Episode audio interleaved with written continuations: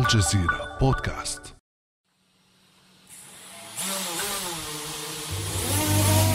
من منا لم يشاهد مرة طائرة دون طيار تحلق في سماء حيه ومن منا لم يشتري واحدة منها.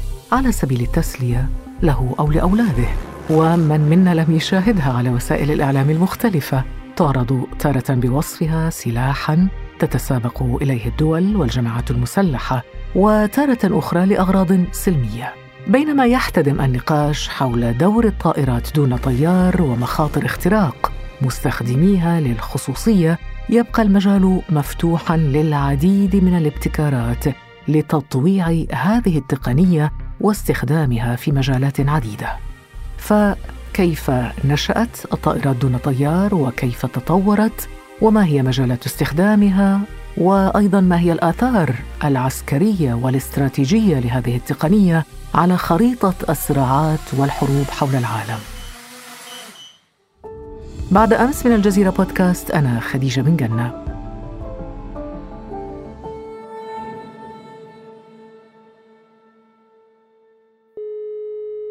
ويسعدني أن أطرح هذه الأسئلة على ضيفنا في هذه الحلقة الدكتور علي الذهب الخبير المتخصص في الشؤون العسكرية والاستراتيجية. نرحب بك دكتور علي الذهب أهلا وسهلا بك.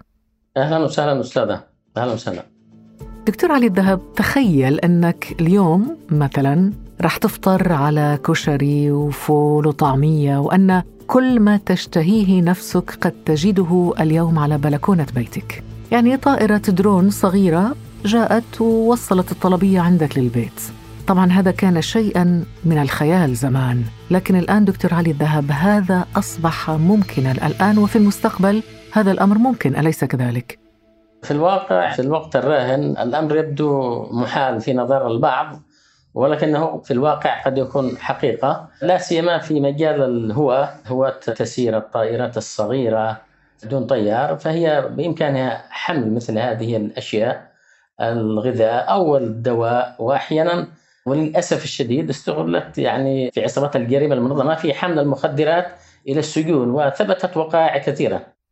ولهذا ربما دكتور علي يعني إيصال الطعام كما قلت هذا أصبح ممكنا في الغرب ولكن قد يصبح أيضا ممكنا في العالم العربي مستقبلا، لهذا من المفيد دكتور علي أن نتحدث عن استخدامات الطائرات بدون طيار المختلفة المدنية والعسكرية منها لكن بعد أن نعرف بالدرون كيف يمكن أن نعرف الطائرة بدون طيار دكتور علي؟ اولا دعينا نعرج على بعض المصطلحات الصغيرة. عندما نتحدث عن اصطلاح الدرون أو ال drones باللفظ المفرد أو الطائرة دون طيار أو الطائرة غير المأهولة أو المسيرة أو الرنانة كل هذه المسميات تشير إلى الطائرة التي يجري التحكم فيها من بعد سواء كان التحكم بواسطة محطة أرضية أو تحكم ذاتي داخل هذه الطائرات. وفي العادة تزود بالإحداثيات والمعلومات ويجري التحكم فيها عبر الأقمار الصناعية واحيانا يكون التحكم بهذه الطائرات من خلال يعني تعبئتها بالبيانات والمعلومات وإرسالها تلقائيا إلى لتنفيذ المهمة الموكلة بها ثم تعود ولكن دعينا اولا أريد أن أعرج على نقطة مهمة وهي لغوية في المقام الأول وتتطلب يعني استخدامها في المجال العلمي والبحثي. عندما يقال طائرة دون طيار هذا غير حقيقي لأنها في الواقع تدار عبر طيار يتحكم فيها في الغالب في من محطة أرضية أو مجموعة من الطيارين. إذا كون تسمية هذا النوع من الطائرات بأنها طائرة من غير طيار أو بدون طيار هي تسمية غير دقيقة برأيك؟ نعم هي تسمية غير دقيقة ويفترض أن يقال طائرات غير مأهولة على اعتبار أن الطائرة المأهولة التقليدية العسكرية أو المدنية تكون مأهولة بالبشر أما هذه الطائرات فهي غير مأهولة ولكنها تقاد من خارجها سواء من محطة أرضية بواسطة طيار واحد أو بمجموعات من الطيارين وأحيانا يقال أنظمة الطائرات غير المأهولة الطائرات غير المأهولة أو ال drones ما هي أنواعها؟ ما هي أوزانها؟ ما هو سعرها؟ لو شرحنا بطن ال drones ماذا نجد بداخلها؟ اشرح لنا قليلا هذه الطائرات كيف تصنع ما هو وزنها أو أوزانها المختلفة لا ندري إن كان هناك أنواع مختلفة وأوزان مختلفة دكتور الطائرة الدرز بطبيعة الحال عندما يجري الحديث عنها فنحن نتحدث بالتباس يعني أو يفهم المتلقي مسألة هذه الطائرات ينصرف ذهنها الأول إلى الطائرة المقاتلة أو الطائرة التي تنفذ مهاما عسكرية سواء كانت هذه المهام استطلاعية أو قتالية أو مسحية أو لأي أغراض عسكرية. إذا هنا دكتور يجب أن نفرق بين الطائرات الموجهة للاستخدام المدني والدرونز الموجهة للاستخدام العسكري. نعم هناك استخدام عسكري صرف وهي تستخدم في أعمال قتالية يعني في القتال تحمل معها القذائف الموجهة والصواريخ وتنفذ مهامها ثم تعود دون طيار مثل ما يحدث في أفغانستان مثلا دكتور؟ آه نعم في أفغانستان مثلا هناك الطائرات الأمريكية تقوم الطائرات غير المأهولة طبعا نتحدث عن الطائرات غير المأهولة تقوم بمهام قتالية مستهدفة الحركات المسلحة الأفغانية. تحلق في الجو لساعات طويلة تترصد الهدف وتتعقبه ثم تصاده في اللحظة المناسبة. وكذلك استخدمت في هذه الطائرات من قبل يعني في ليبيا استخدمت في العراق في المناطق النزاعات المسلحة أو في أيضا أذربيجان طيران التركي برقدار هذه الطائرات تقوم بمهام قتالي واستطلاعي في نفس الوقت تحلق على ارتفاعات كبيرة جدا تصل إلى 14 كيلو متر تستمر في الطيران بشكل يعني مرتفع وبسرعة كبيرة يعني متوسطة. طيب الاستطلاعية هنا فرقان دكتور علي الذهب. الاستطلاعية تصور وتأتي بالمعلومات والصور والقتالية تنفذ عمليات في أرض المعركة. نعم الاستطلاعية هي قد تنفذ قد تكون الطائرة مزدوجة الغرض يعني أنها تستطلع وتفتك بالهدف دون أن تسمح له بالنجاة في آن واحد وبعضها ينفذ مهام استطلاعية ثم يعود وهذه هي الطائرة الكبيرة نتحدث عن الطائرة الكبيرة هناك طائرات صغيرة تستخدمها ماذا تقصد بالكبيرة؟ يعني وزنها كم تقريبا؟ في العادة يكون هناك أربعة إلى خمسة أطنان محملة بالأسلحة. يعني تتحدث عن الطائرات العادية. هنا تتحدث عن الطائرات القتالية العادية وليس الدرونز البعض بيفهم عندما يتحدث عن الطائرة المسيرة يفهم له بأنها طائرة صغيرة التي يجري تسييرها من قبل الجماعات والعصابات المنظمة أو الطائرة الهواة لكن الواقع أنها مجال كبير. يعني هناك طائرة تستخدمها الدول الكبرى في أعمال القتال والاستطلاع وهنا طائرة تجارية صغيرة لأغراض مدنية وظفت في الجانب العسكري كما يحدث في اليمن وفي بعض الجرائم المنظمة والجماعات الإرهابية. يعني الطائرات الصغيرة الموجهة للاستخدام المدني والتوصيل وغير ذلك يمكن أيضا أن تستخدم لأغراض عسكرية. نعم تطور إما أن تستخدم في يعني بوضعها الراهن لأعمال عسكرية بسيطة استطلاع مسح مراقبة أو أنها تطور بحيث تكون قذيفة مجنحة تقوم على يعني في مسرح عملية تكتيكي من سبعة مثلا كيلو متر إلى 28 كيلو متر تنفذ مهام قتالية ولا تعود. هي تكون قذيفة في ذاتها تبرمج معلومات تعطى المعلومات إلى داخل الطائرة نفسها فتذهب إلى المكان المحدد ثم تقصفه يعني أنها طائرة وصاروخ في نفس الوقت. ما زلنا بصدد التعريف بالطائرات بدون طيار ال drones ماذا عن نسبة الارتفاع القصوى لهذه الطائرات؟ السرعة القصوى؟ الوزن الذي يمكن أن تحمله سواء كان شحنة عسكرية أو يعني مواد مدنية؟ قيادة ال drones هل هي سهلة؟ كل هذه الأمور. الموضوع هذه الطائرة طبعا من حيث الوزن بيعتمد على تقنية تكنولوجيا التي تقوم بتصنيعها أو بلد المنشأ. فكلما كان بلد المنشأ قويا كلما كانت تكنولوجيا هذه أو تقنيه هذه الطائرات يعني من حيث الوزن من حيث الحمولة من حيث الارتفاع من حيث ساعة التحليق دقة الإصابة الأغراض المشتركة أقصد بها يعني عملية استطلاع وقتال في نفس الوقت. ونجد في المقام الأول الولايات المتحدة مثلا طائرة ال Predator C هذه أو هذه الطائرة أو يسموها المفترسة يمكنها حمل ثلاثة أطنان من مختلف الأسلحة وعليها صواريخ موجهة. وأنت تتحدث عن دول المنشأ دكتور علي الذهب. ما هي الدول أو من هي الدول الأكثر شهرة في تصنيع ال drones؟ نعم الآن يمكننا ونحن نتكلم عن هذه المسألة أن نجيب عن السؤال في آن واحد. فعندما نتحدث عن حموله هذه الطائرات والمهام التي تنفذها إلى مسافات بعيدة التحليق يعني لساعات طويلة نتحدث هنا عن الولايات المتحدة الأمريكية. طائرات لديها طائرات Predator هذه الطائرة اللي هي المفترسة تحمل ثلاثة أطنان من مختلف الأسلحة تحلق بسرعة قصوى نحو يعني 740 مثلا كيلو متر بسرعة يعني 40 كيلو متر في الساعة. طيران تواصل 20 ساعة ارتفاع 17 كيلو. وهناك طائرات Global Hawk و MQ 1 C ويعني تقوم بمهام قتالية واستطلاعية في آن. وماذا عن إسرائيل دكتور علي؟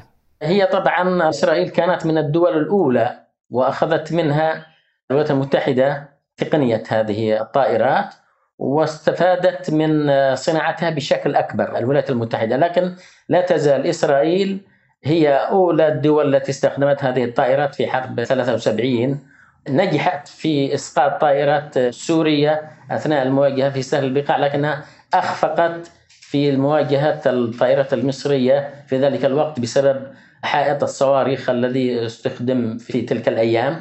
نجد أيضا من بين هذه الدول مثلا بريطانيا هناك الصين هناك دول أخرى ظهرت فجأة وهي دول الشرق أوسطية وأعني بذلك تركيا. وإيران وهذه الدول لاحظنا أنها تطبق يعني تقنيتها على الأرض في الحروب فكما أشرنا سابقا تركيا استخدمت طائرة البرقدر في أذربيجان في ليبيا وإيران استخدمت هذه الطائرات أو على نحو يعني منخفض في التقنية في الحرب اليمنية دعما للحوثيين. طيب إذا كانت دول شرق أوسطية استطاعت أن تصنع مثل هذه الطائرات درونز بدون طيار، هل هذا يعني انه تصنيعها سهل؟ لا لا أتصور أنها سهل بحيث تنفذ مهام استراتيجية. لأنه كما قلت لك سابقا عندما نتحدث عن الطائرات نعتقد أنه بمجرد أن تقلع تستطيع أن تجعل من الطائرة تقلع ثم تجعلها تهبط بطريقة أو بأخرى فإنك قد صنعت طائرة ليس الأمر كذلك قد يمكن صناعة هذه الطائرات من تحضير المكونات الأساسية لها من محركات وأجنحة وأجهزة استشعار وبطارية ومحرك ولكن هل تستطيع هذه الطائرة أن تنفذ مهام قتالية استراتيجية كما تفعل الولايات المتحدة أو إسرائيل أو بريطانيا؟ طبعا لا، لذلك لا تزال فوارق التقنية بين الدول موجودة فلا يمكن أن نساوي بين طائرة إيرانية مع طائرة أمريكية ولذلك ايران استفادت من إسقاط طائرة أمريكية من هذا النوع وأخذت تبني عليها في صناعات الطائرات الغير المأهولة. نعم واستخدمتها أيضا حركة حماس. هذا جانب آخر ونحن ربما غفلنا عن ذكر أن استخدام الطائرات المسيرة أو الغير مأهولة على الأصوب أنها تستخدم اولا لأغراض عسكرية من قبل الدول أو الجماعات المسلحة أو يسموها الفواعل العنيفة وهناك أيضا استخدام غير مشروع من قبل جماعات الجريمة المنظمة لتهريب المخدرات، تهريب الأسلحة، تهريب الوثائق المسروقة، تهريب المعلومات وما إلى ذلك.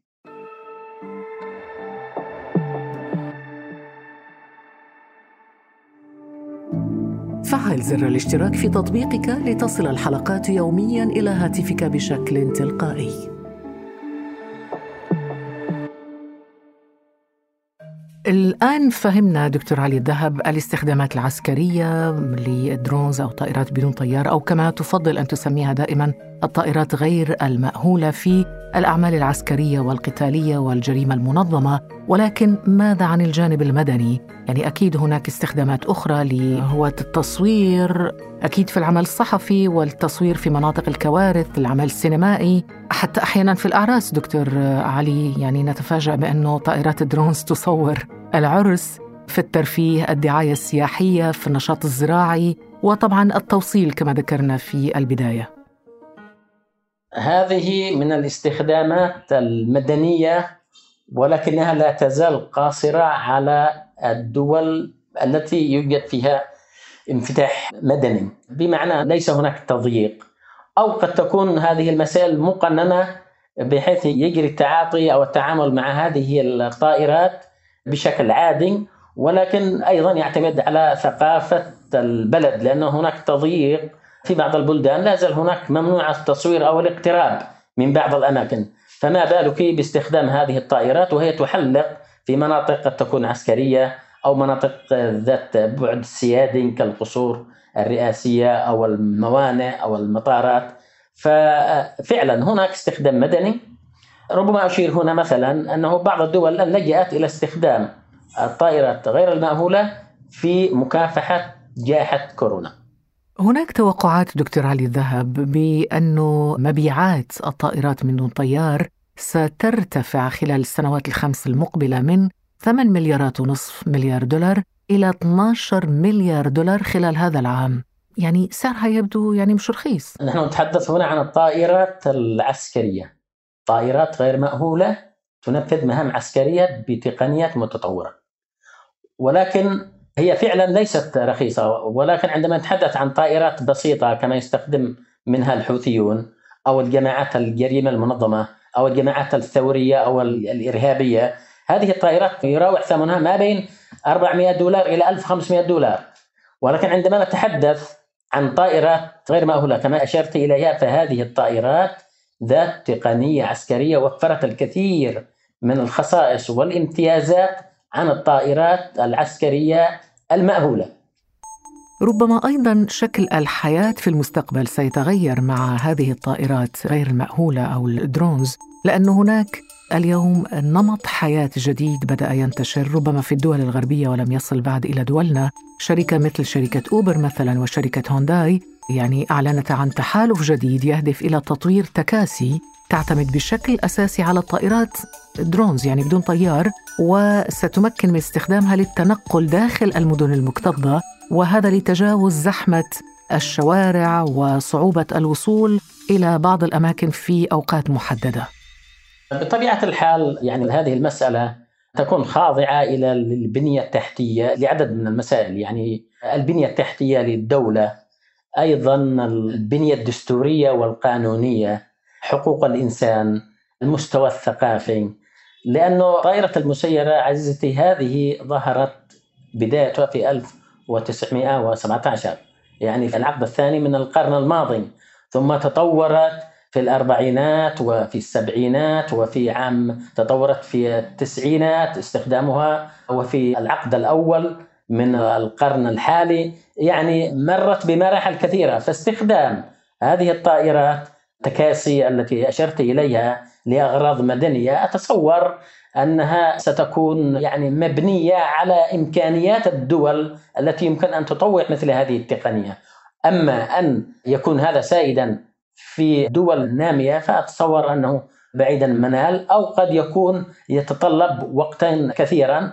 وكما أشرت سابقا أنه يعتمد على الجانب الحقوق والحريات، البنية القانونية، البنية التحتية، أشياء كثيرة تتطلب ذلك ويظل الأمر ليس معقدا فكما ان أنه لم يكن يتصور المرء أن تطير طائرة في السماء ويسوقها أو يقودها طيار فقد أصبحت تطير هذه الطائرة بمطيار أرضي وهكذا يمكن أن تكون التكاسي هذه الغير المأهوله التي تقاد دون طيار قابلة للاستخدام في المستقبل. طيب هناك دكتور علي ذهب من يطرح مخاوف من اختراق الخصوصية بأنه إتاحة استخدام هذا النوع من التقنيات الذكية والطائرات بدون طيار يشكل ربما خطرا على الخصوصية، هل ترى ذلك؟ آه، بطبيعة الحال نعم.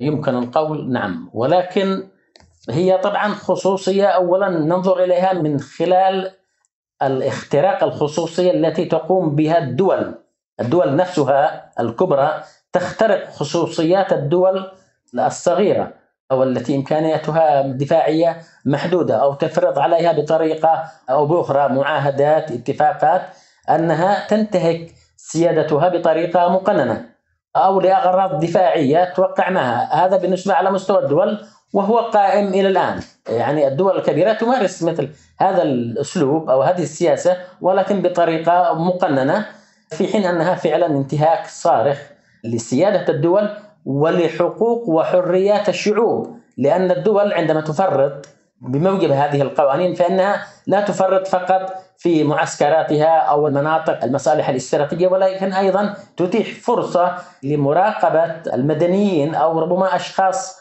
تراقب اشخاصا تدور حولهم كثير من الاستفهامات لغير الدول لغير الدولة التي أتاحت ذلك لدولة أخرى. ولكن أيضا ننظر إلى مسألة الحقوق والحريات فعلا انتهاك الخصوصية. هذا بطبيعة الحال تنظم أيضا قوانين وهناك دول في الخليج يعني تمارس فيها رياضات مثل هذه الطائرات هناك مجموعة من الشباب أو المنظمات تطلق هذه الطائرات على سبيل التصوير السياحي أو التلفزيوني أو الهواء وهذه طبعا فيها انتهاك الخصوصية. لكن هناك مسائل قانونية يجب أن تنظم مثل إطلاق هذه الطائرات واستخدامها. في هذا السياق دكتور علي الذهب هناك عالمة جزائرية اسمها سيليا خشني وتحصلت على جوائز عالمية لابتكارها تقنية أو جهاز يسمى home privacy drone blocker ويقوم هذا الجهاز بالتعرف على الطائرة من دون طيار وإعادتها إلى مكان إطلاقها، يعني هذه محاولات جميلة.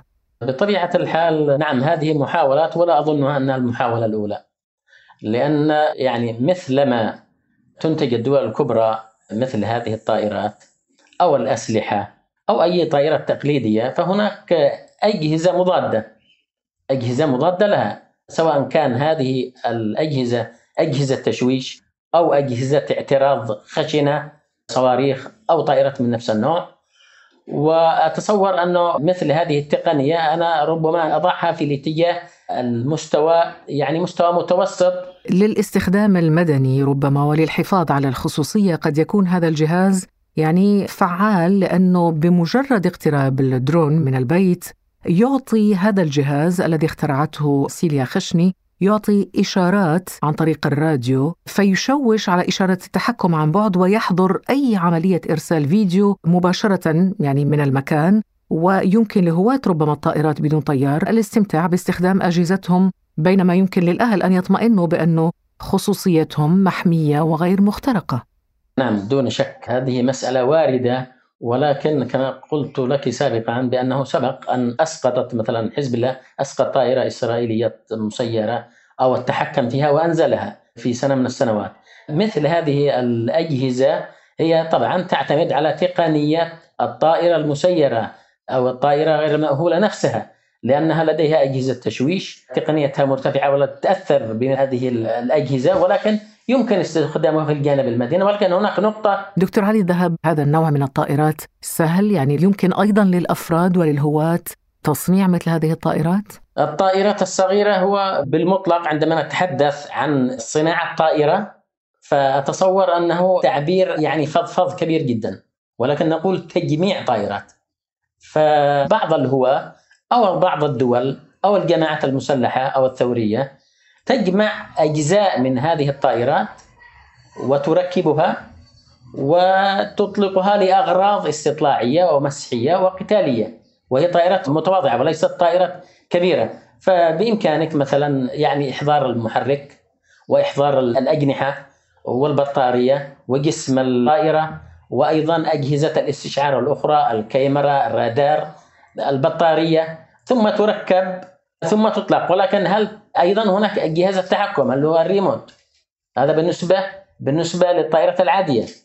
فالبعض مثلا كما كانت هناك أول محاولة للطيران عباس بن فراس عندما حاول فكر في الطيران ولكنه لم يفكر في كيفية الهبوط. أيضا في الطائرة هذه هناك من يطلق هذه الطائرة ولا يستطيع استرجاعها وأعني بذلك الطائرة الصغيرة فتقنيه هذه الطائرات في المجمل لا يمكن أن ينظر لها بأنها تقنية بسيطة لا. وراء كل طائرة مسيرة وراء كل طائرة مسيرة أو غير مأهولة هناك طيار أو مجموعة طيارين أو منظومة تحكم أرضية تتحكم فيها هذا في النوع الذي يذهب ويعود. أما التي تطلق فيجري التحكم فيها ذاتيا من داخلها. يعني التي تطلق ولا تعود. هناك طائرات من دون طيار يتم إطلاقها ولا تعود.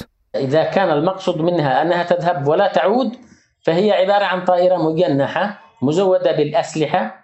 أو لنقول الصواريخ أو القذائف الانفجارية وتكون في نفس الوقت هي يعني طائرة انتحارية. تنفذ المهمة القتالية يعني مهمة قتالية مرصدة مسبقا ويمكن أن تنفذ مهام استطلاع وتنفيذ قتال في نفس اللحظة ولا تعود. طيب جميل هذا المصطلح أنت تسميها الطائرات الانتحارية هي الطائرات المسيرة التي تذهب ولا تعود وهي مجنحة وتستهدف هدفا بعينه. هل هذا برأيك دكتور علي الذهب غير تماما مفهوم الحرب المفهوم التقليدي للحروب؟ دون شك دون شك يعني الطائرة غير المأهولة. يعني ميزت كثير يعني أعادت تعريف الحرب بمفهوم عام وأعادت تعريف المعركة. لأنه عندما يطلق أو تطلق دولة أو جيش معين طائرة غير مأهولة فإنه وفر إمكانيات كثيرة يمكن أن يخسرها. أولا ماذا وفر؟ أولا الطيار الطيار الإنسان أو طيارين على طائرة. وفر أيضا الوقت لأنه هذه الطائرات تحلق ل 72 ساعة أو أكثر. يعني أنها تترصد الهدف حتى إذا نام إذا الشخص المستهدف ذهب إلى نومه ثم خرج في اليوم الثاني واعتقد أنه لا يراقب الطائرة لا تزال تحوم وتراقبه على ارتفاعات كبيرة جدا وتستهدفه. فهذه الطائرات يعني أعادت تعريف الحرب وأعادت تعريف المعركة وفرت الوقت وفرت الجهد وفرت المال وفرت الأنفس وفرت كم كبير جدا من المعلومات وبشكل دقيق حتى أن الطائرة الأمريكية في أفغانستان كانت تصور بشكل دقيق جدا لدرجة أنها كانت تصور يعني تضع يعني كانت ضمن مخرجات هذه الصور نبات الخشخاش اللي هو المخدر يعني من دقة التصوير. طيب إذا دكتور علي الذهب إلى أين يتجه هذا السباق العالمي على تصنيع وامتلاك الدرونز سواء للأغراض السلمية كما ذكرنا أو للأغراض العسكرية؟ آه الواقع آه أن السباق محموم وشأن هذا النوع من التقنية هو شأن الصواريخ لأن الصواريخ آه أصبحت هي اليد الطولة آه، ففي الثمانينات العام الماضي عندما كانت الحرب العراقية الإيرانية آه، برز دور الصواريخ بشكل كبير وكانت في تلك اللحظة مؤشرات هذه التقنية من الأسلحة أقصد الصواريخ آه، بأنها سيكون لها شأن.